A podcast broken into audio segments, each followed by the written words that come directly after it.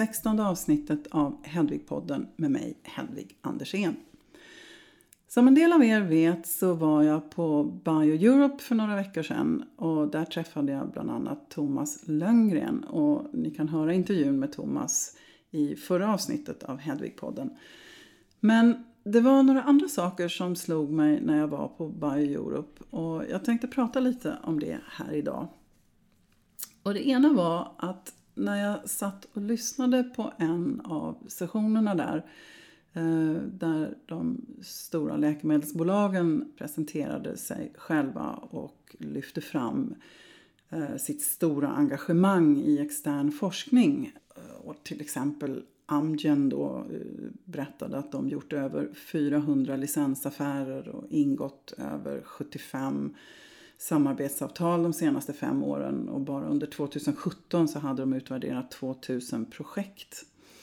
Eh, och, liknande tongångar kom från, från andra bolag som typ Sanofi och Eli Lilly och Genentech och Roche och ja, allihopa där.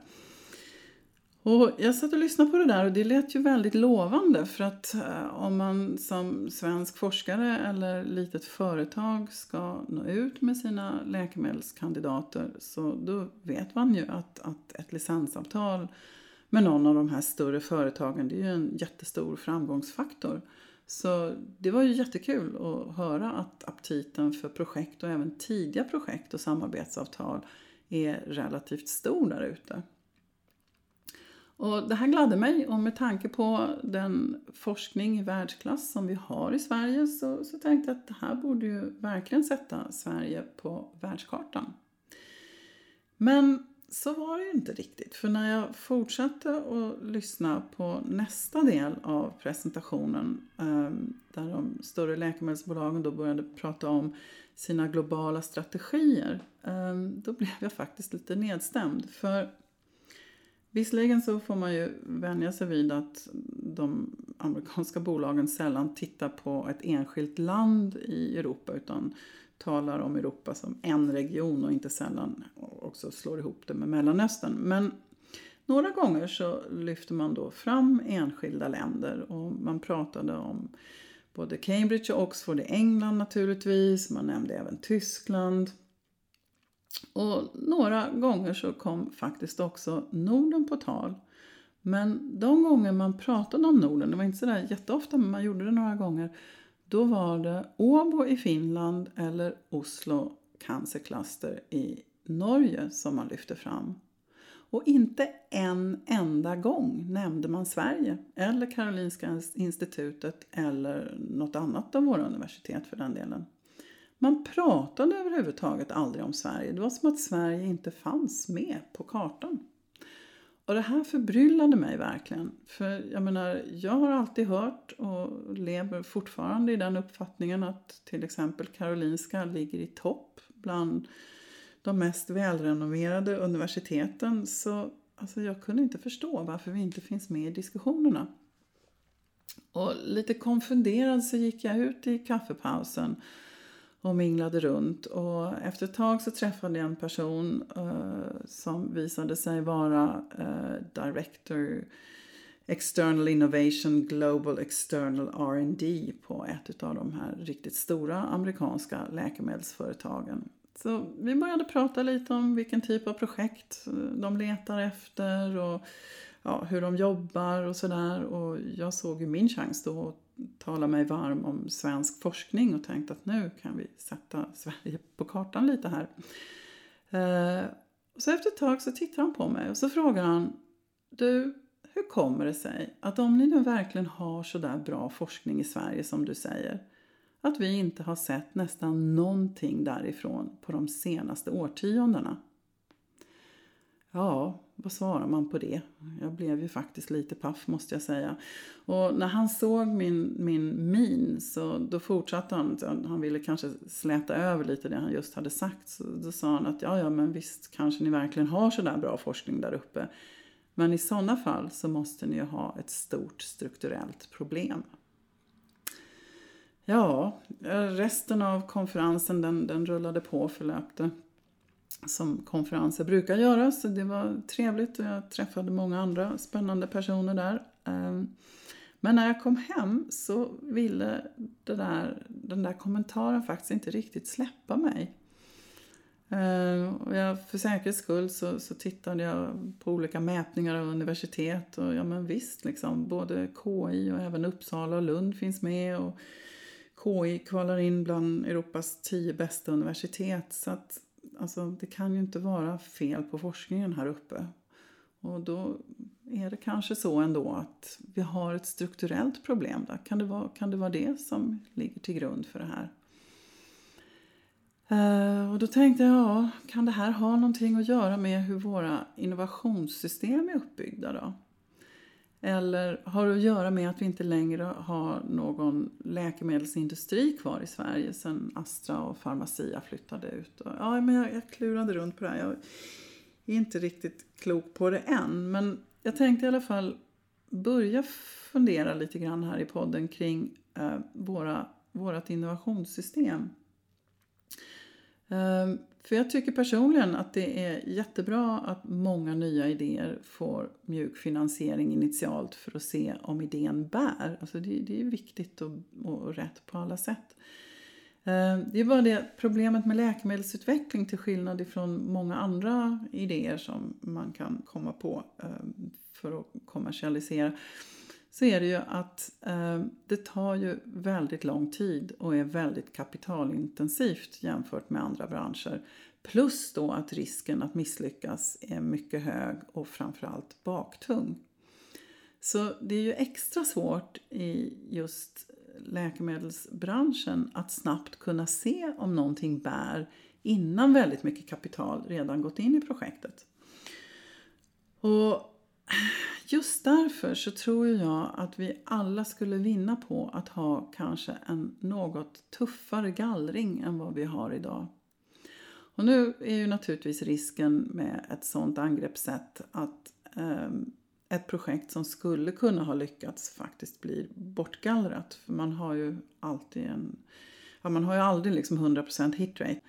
Men samtidigt så är jag övertygad om att om det projektet är tillräckligt bra så är sannolikheten också stor att det dyker upp igen.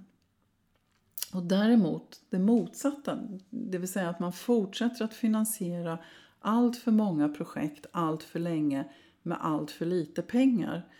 Eh, det tror jag faktiskt kan få motsatt effekt i längden, nämligen att ingen får en chans.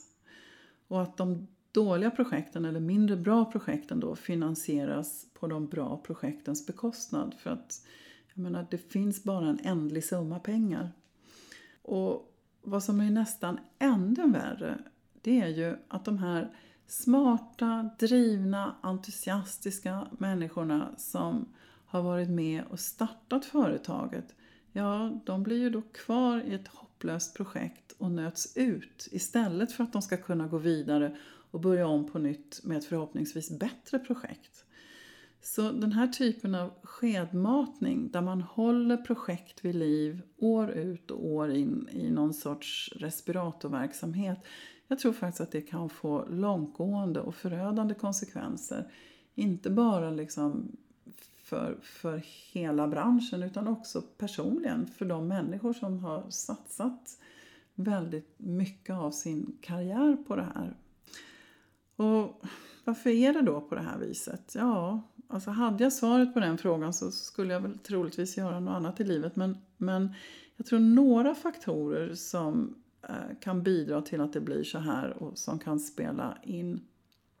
Det är ju till exempel att de organisationer som fördelar mjuka pengar ofta mäter eh, sina framgångar eller hur, hur bra de jobbar kvantitativt istället för kvalitativt. Alltså, man ser ju ofta då att antalet nystartade företag eller antalet patent eh, används som ett mått på målbildsuppfyllnad.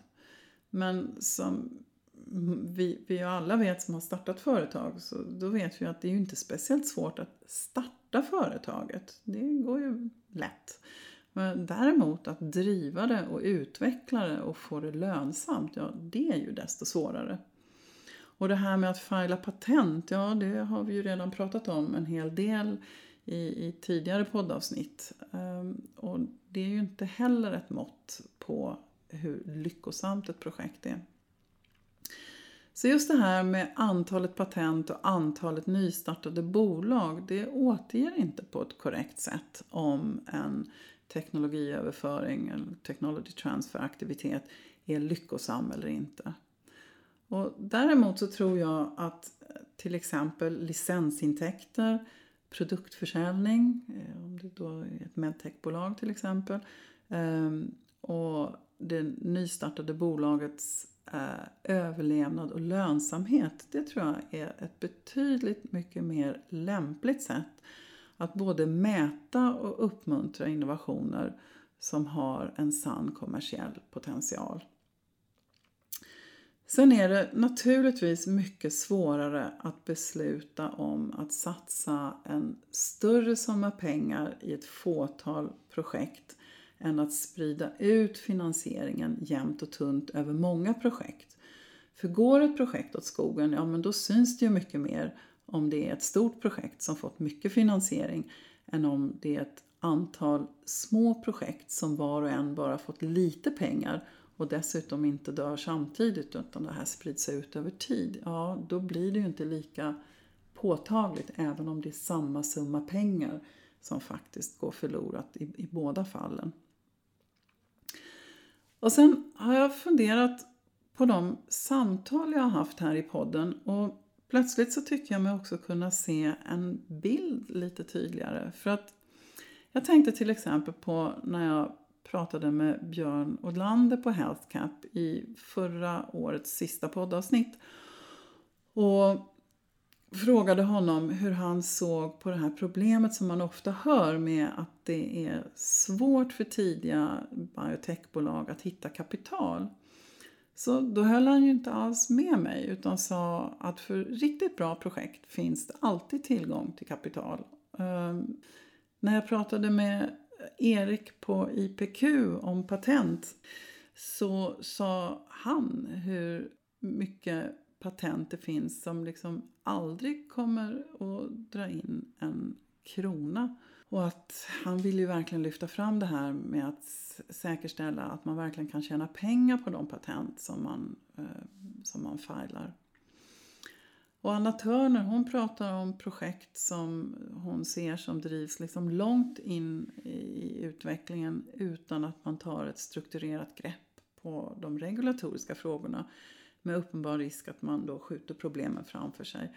Och i sista poddavsnittet här så pratade ju Thomas Lönngren då om och tog upp vikten av att ha en styrelse som vågar fatta de där jobbiga besluten av att lägga ner ett projekt som inte har rätt potential och att våga göra det i tid och inte vänta för länge.